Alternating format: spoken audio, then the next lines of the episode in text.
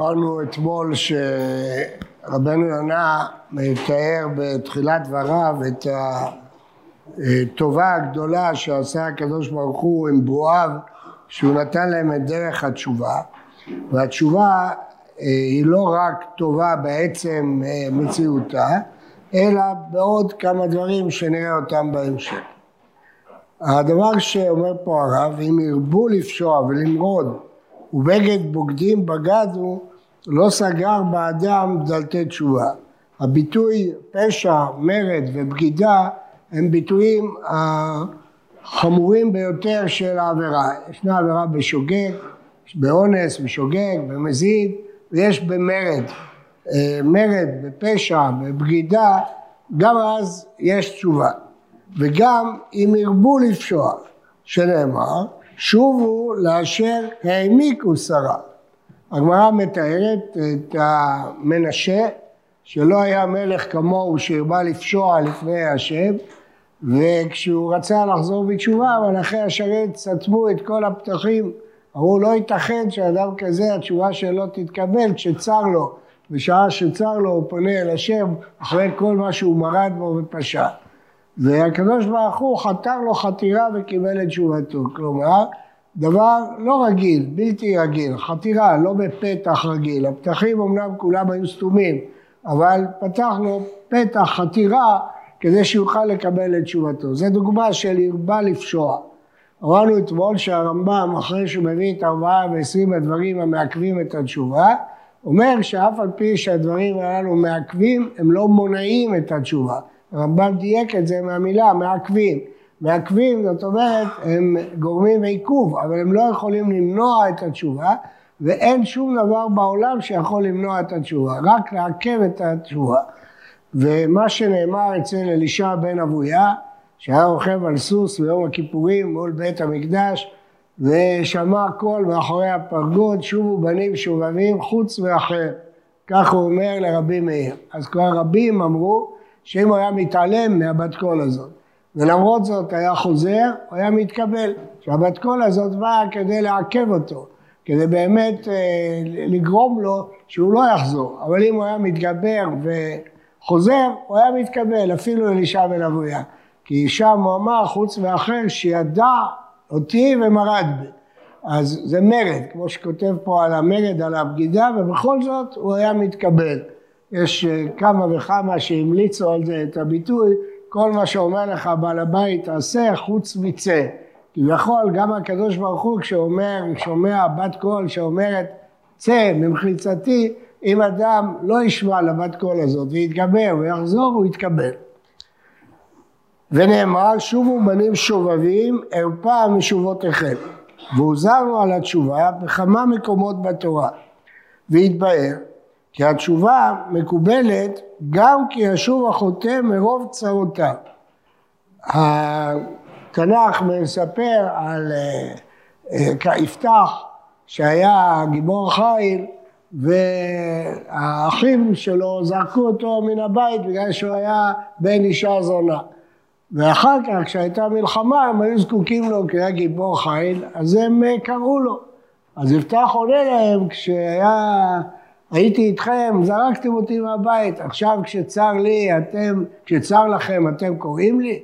אז הקדוש ברוך הוא היה יכול להגיד את זה לאדם, כשהיה טוב לך, עזבת אותי, מרדת בי, עכשיו כאשר קשה לך, אתה פונה אליי, בצר לך, אתה פונה אליי. אז היינו חושבים שהתשובה לא תתקבל כשאדם רק בשעת מלחמה או מחלה או מצוקה קשה, הוא חוזר לקדוש ברוך הוא, אבל זה לא כך. התנ"ך כולו מלא מזה, בתורה עצמה כבר כתוב, נאמר, בצר לך ומצאוך כל הדברים האלה, לאחרית הימים, ושבת עד אשר אלוהיך ושמעת בקולו. כלומר, גם כשאתה חוזר מתוך צרה, מתוך uh, מצוקה. בספר שופטים מלא מזה, שכל פעם שהייתה מצוקה, מלחמה, היו חוזרים בתשובה. כשהשם הציל אותם, הם היו שוב חוטאים, פעם אחר פעם. ובכל זאת, והוא רחום מכפר עוון, אומר ספר תהילים על המצב הזה. למרות ש, שנושעו, הם שוב חזרו והם מרדו, הקדוש ברוך הוא הושיע אותם. על הפסוק הקשה שנאמר על זה, ותקצר נפשו בעמל ישראל. כביכול הקדוש ברוך הוא מוכרח לסלוח להם, גם אם בסופו של דבר הם שוב ושוב חוזרים. כלומר, גם כשאדם צר לו, הוא במצוקה, זה פונה לקדוש ברוך הוא, הוא מתקבל. לא אומרים לו, כשהיה לך טוב לא באת אלינו. וכל שכן אם ישוב מיראת השם ואהבתו, שזאת שווה בדרגה יותר גבוהה. אנחנו נראה בהמשך שלמרות שכל תשובה מתקבלת, אבל יש דרגות בתשובה. לא כל דרגות התשובה הן אותו דבר, אנחנו יודעים שתשובה מאהבה הופכת את העוונות לזכויות. כלומר, יש דרגות שונות בתשובה. הרב בן יונה ממשיל את זה לכיבוס בגד, שיש לפעמים מעבירים כתם, לפעמים מחפשים, לפעמים נותנים לניקוי יבש, יש דרגות שונות של ניקוי שמחזירים את המצב לקדמותו, לא כל הדרגות הן שוות, אבל אז כל שכן הוא יחזור מהירה ומאהבה. הדבר הנוסף, החסד הנוסף, התבהר בתורה כי יעזור השם לשווים כאשר אין יד תברעם משגת. זה ידוע שכשאדם אחרי חטאים גדולים חוזר בתשובה, הוא יש לו איזה רוח טהרה לחזור, בתקופה הראשונה קשה לו, הוא עובר קשיים, והקשיים האלה הרבה פעמים מחזירים אותו אחורה, הוא לא יכול להתגבר. ויש לנו חסד גדול לבעלי תשובה שהקדוש ברוך הוא מסייע באדם ויחדש בקרבם רוח טהרה להשיג מעלת אהבתו שנאמר ושבת עד השם אלוהיך ושמעת בקולו ככל אשר נצמך היום אתה ובניך וכל לבבך וכל נפשך מה כתוב אחרי זה? ומל השם אלוהיך את לבבך ואת לבב זרעיך כלומר שאם אדם מעצמו שב אל השם אבל קשה לו הקדוש ברוך הוא ימול את עורלת לבבו. בן יונה בהמשך, בשער הרביעי, קורא לעורלת לבבו אוטם הלב. לא משתמשים בזה לביטוי רפואי, אבל הביטוי הוא של רבן יונה. אוטם הלב זה מין איזה סגירות, הוא לא יכול לקלוט כלום, שום דבר לא חודר אותו. אז הקדוש ברוך הוא יכול למול את עורלת לבבו. הוא מסייע בידו כאשר הוא חוזר בתשובה. והנביאים והכתובים דיברו תמיד על דבר התשובה. עד כי באו עיקרי התשובה כולם מפורשים בדבריהם כאשר התבהר. אומר הרב התשובה היא מצווה שמפורטת הרבה מאוד לפרטים, קודם כל בתורה עצמה בכמה פרשיות ובנביאים ישנם מקורות רבים על התשובה כאשר היא מפורטת מאוד. אז אם נסכם מהם הטובות, קודם כל עצם התשובה, זה שאדם יכול לשנות בהווה את העבר זה חידוש גדול זה חסד גדול של הקדוש ברוך הוא. שנית, שהקדוש ברוך הוא מצפה לתשובה, מורה לאדם לחזור בתשובה, יורה חטאים בדרך, הוא מלמד אותם איך לחזור. יש סליחה אשכנזית שנקראת הורית דרך תשובה לבת השובבה. והפייטן שם מונה את כל המקרים בתנ"ך שהקדוש ברוך הוא לימד את האנשים לשוב אליו, קרא לאנשים לשוב אליו. אז זה החסד השני. החסד השלישי שגם הוא העמיק שרה, לא רק בשוגג, היינו חושבים שתשובה מועילה בשוגג, אולי גם במזיד, אבל במרד, במעל, בבגידה, שידע את ריבונו ומרד בו, הייתי חושב כמו אלישע בן אבויה שהוא לא מתקבל, כי הוא ידע את ריבונו ומרד בו. לא, התשובה מתקבלת גם במצב הזה של העמיקו שרה. החסד הנוסף זה הסיוע בתהליך של התשובה. כשאדם בא מצד עצמו לשוב, הקדוש ברוך הוא מסייע לו. יומנו אינה מדייק שאחרי שאדם שב נאמר אומה לשם, לא לפני. לכאורה זה היה צריך להיות לפני, לא. קודם כל הוא צריך לשוב מעצמו, ואז השם ימול את לבבו, יסייע בעדו. אם נסתכל בברכות שמונה עשרה, אז נראה שברכת התשובה היא ייחודית מכל הברכות. כל ברכה מסתיימת בחתימה ביכולתו של הקדוש ברוך הוא, חונן הדעת. רופא חולה עמו ישראל, כן, שומע תפילה, כך מסתיימת כל ברכה. אבל ברכת התשובה מסתיימת, ברוך אתה השם, הרוצה בתשובה. לא מסתיימת המשיב בתשובה, כמו חונן הדעת, רופא, רוצה בתשובה.